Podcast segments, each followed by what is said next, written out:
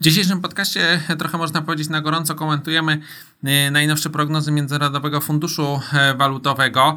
E, one w ujęciu globalnym można powiedzieć, że są słabe, dlatego że zostały zrewidowane do najniższego poziomu od, od kryzysu finansowego. Natomiast ta rewizja też nie jest taka dramatyczne, jak sugeruje to headline.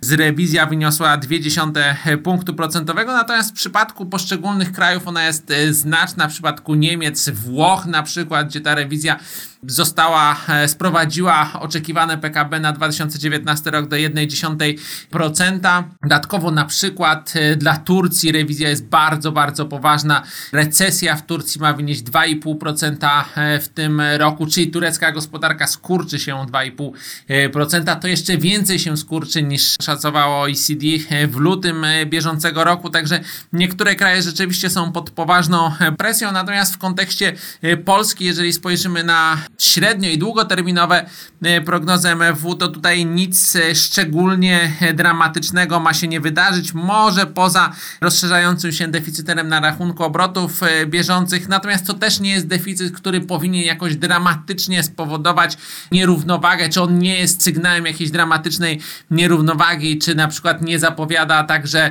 wyraźnego osłabienia złotego, tak jak w przypadku Rumunii, gdzie ten deficyt według szacunków MFW ma sięgnąć 5% e, PKB w najbliższych dwóch e, latach. Także dane z e, przypadku Polski są niezłe.